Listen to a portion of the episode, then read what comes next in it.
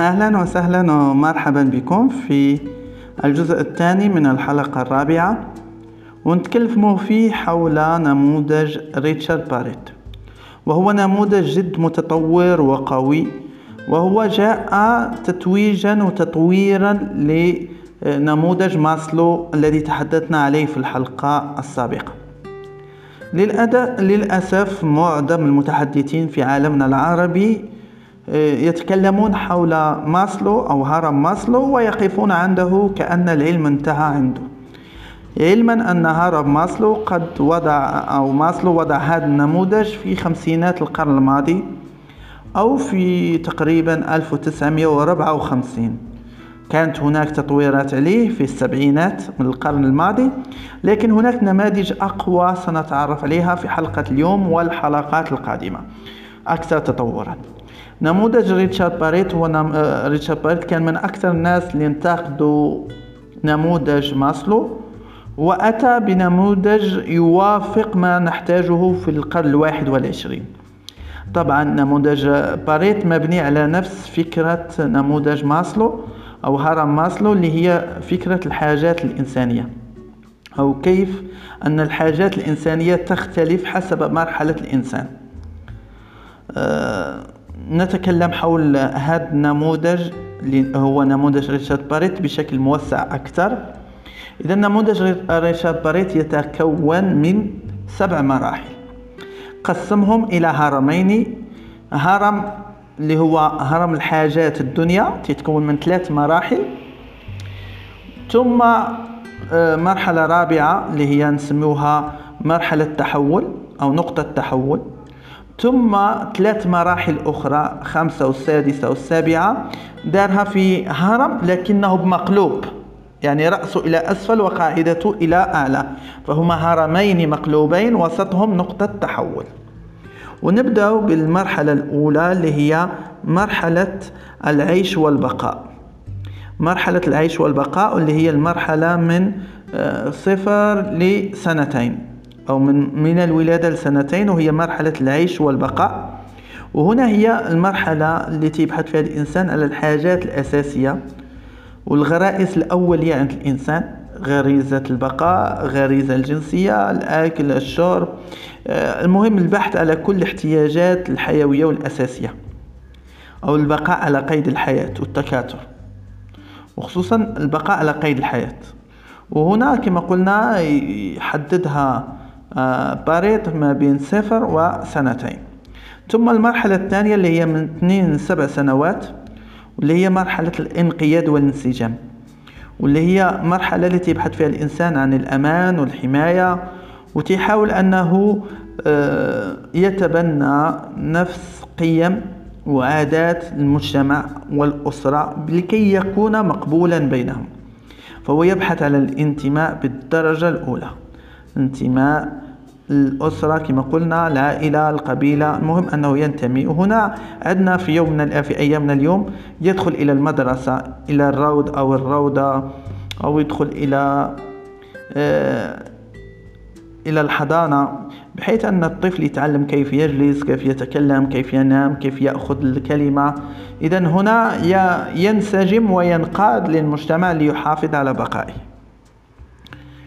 ثم المرحلة الثالثة اللي هي مرحلة الاختلاف والتميز اللي هي من 8 ل 24 سنة واللي هي المرحلة اللي تحاول الإنسان يبحث على أو يظهر نفسه في دائرته الصغيرة أو مجتمعه الصغير ويحاول يظهر مواهبه ومهارته الخاصة. وذلك من أجل أنه ينال احترام وتقدير واعتراف الآخرين. هنا البحث على الاعتراف والاختلاف والتميز. واللي هي تتمر من مرحلة المراهقة فما أعلى.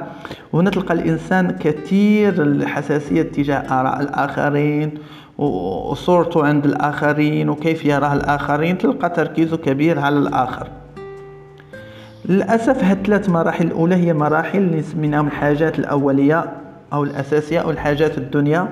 واللي معظم الناس اللي من نوع عادي بن عادي يعيشون طول حياتهم في هاد الثلاث مراحل. ولا يتجاوزون هذه المراحل. من يتجاوز هذه المراحل هم الأقل من خمسة في المئة الواعية. المرحلة الرابعة اللي هي نسميها ريتشارد باريت نقطة التحول اللي هي مرحلة مهمة جدا اللي هي المرحلة اللي آه، مرحلة التفرد والاستقلال واللي فيها الإنسان يكشف هويته الحقيقية ويتخلى على قيم آه، والعادات الآخرين. ويتخلى على آه، اعتماده على الآخرين ويتخلى على الاعتراف من الآخرين. وهنا القيم اللي تكون حاكمة للإنسان في هذه المرحلة هي قيم الحرية والاستقلالية. ما يحبش الآخرين يتدخلوا فيه يحب أنه يكون انديبوندون ويكون مستقل على الآخرين. فهذه المرحلة هي مرحلة التفرد والاستقلالية وهي مرحلة مهمة جدا واللي هي يحددها ريتشارد باريت من 25 ل 39 سنة. المرحلة الخامسة هي المرحلة الأولى من مراحل الحاجات العليا هي مرحلة تحقيق الذات أو المرحلة الملكية. هنا الإنسان الملك يعيش حسب آه، هو ملك إمبراطوريته كما يقولون. الإنسان هنا يعيش حسب طبيعته الشخصية الحقيقية لا يجامل أحدا لا يحاول أخذ القيم الآخرين ولا يبحث على اعتراف من الآخرين ويعيش يعيش بقيمه الشخصية. وغاياته الشخصية ورسالته الشخصية. بالتالي هو قد عرف أو قد وعى بقيم المجتمع وقد تخلى على قيم المجتمع وتبنى قيمه الشخصية التي تساعده على النمو والنجاح يعني اختار من قيم المجتمع ما يفيده وترك ما لا يفيده. بالتالي هو إنسان واعي الآن يعي مفهوم القيم يعي القيم اللاواعية وقد أظهرها أو سلط عليها.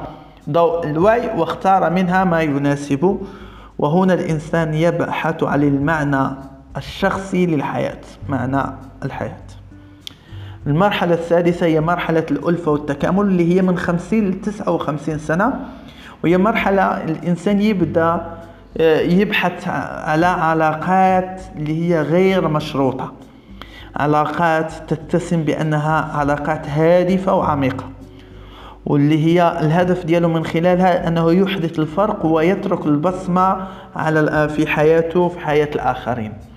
هنا مرحلة فيها حب لا مشروط لا يبحث على إنسان بصفات معينة لا يحاول التحكم في الآخرين يحاول بناء مشروع مشترك مع الآخرين. وهي مرحلة مهمة جدا وأساسية.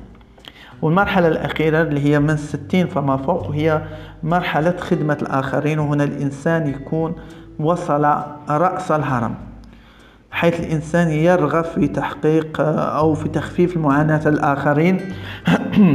همه الاعتناء بالبشرية ككل من اهتماماته الحفاظ على البيئة وعالم الأرض بأكمله من اهتماماته كذلك أنه يساعد الآخرين. من أهم قيمه الإيثار والغيرية ويكون قد حقق رسالته بمساعدة الآخرين على النجاح. إذا هذه سبع مراحل. المرحلة الأولى العيش والبقاء من صفر لسنتين. الانقياد والانسجام من سنتين لسبع سنوات. الاختلاف والتميز من 8 ل 24 سنة. التفرد والاستقلال من 25 ل 39 سنة. ثم المرحلة الخامسة من 40 ل 49 سنة تحقيق الذات ومن 50 ل 59 سنة الألفة والتكامل وفوق ال 60 سنة خدمة الآخرين. طبعا التطبيق اللي نعطيه لكم اليوم اللي هو التطبيق بسيط جدا اللي هو حدد أين أنت الآن بموضوعية. ليس المكان الذي تريد أن تكون فيه لا المكان الذي أنت حقا فيه الآن في أي مرحلة مرحلة أولى الثانية الثالثة الرابعة والخامسة والسادسة أو السابعة. ما تقولش أنا في السادسة هكذا وفرحان بنفسك لا قل المرحلة اللي هي تناسبك حقيقة. من خلال القيم اللي أنت تحملها. مثلا لو كانت القيم ديالك الآن أنك تحب أنك تتأثر بآراء الآخرين وتحب أنك تكون مليح عند الآخرين وتحب أن الآخرين يشوفوك بصورة جميلة فغالبا أنت في المرحلة الثالثة اللي هي مرحلة الاختلاف والتميز. وباش أنك تنجح في حياتك أو تمر من هذه المرحلة لازم تتبنى قيم المرحلة التي تليها. لو كنت أنت ما في لو كنت أنت في مرحلة الاختلاف والتميز فالمرحلة التي تليها هي مرحلة التفرد والاستقلال. وبالتالي لازم عليك تتبنى قيم الحرية والاستقلالية إذا أردت أن تصعد درجة جديدة. إذا التطبيق يقول حدد أين أنت الآن. ثم حدد القيم التي تحتاج تبنيها للوصول إلى المرحلة الجديدة في آه، في طريق نموك وتطورك إن شاء الله. أتمنى أني أفدتكم. بارك الله فيكم يسر الله أمركم ولا تنسوا طبعا الاشتراك في القناة ودعوة أصدقائكم للاستماع لهذه المحاضرة. طبعا لو رأيت أنها مفيدة ولا تنسى أن معرفتنا بالقيم من أجل ماذا؟ من أجل أن نجد أو نختار القيم الداعمة لنا في تحقيق أهدافنا الشخصية وكذلك التغيير أو آه، طرد أو البحث على قيم اللي هي تناسب المجتمع آه، المرحلة التي نعيش فيها وهذا مهم جدا لأن قلنا أن آه، حسب مرحلة الإنسان حسب القيم التي يختارها. وكذلك لمعرفة القيم اللي هي تمنعك من النجاح. لأن كما قلنا قيم دائمة وقيم كابحة. لازم تعرف القيم الكابحة لتتخلص منها وتعوضها بقيم دائمة تخدمك إن شاء الله. بارك الله فيكم دمتم سالمين والسلام عليكم ورحمة الله تعالى وبركاته.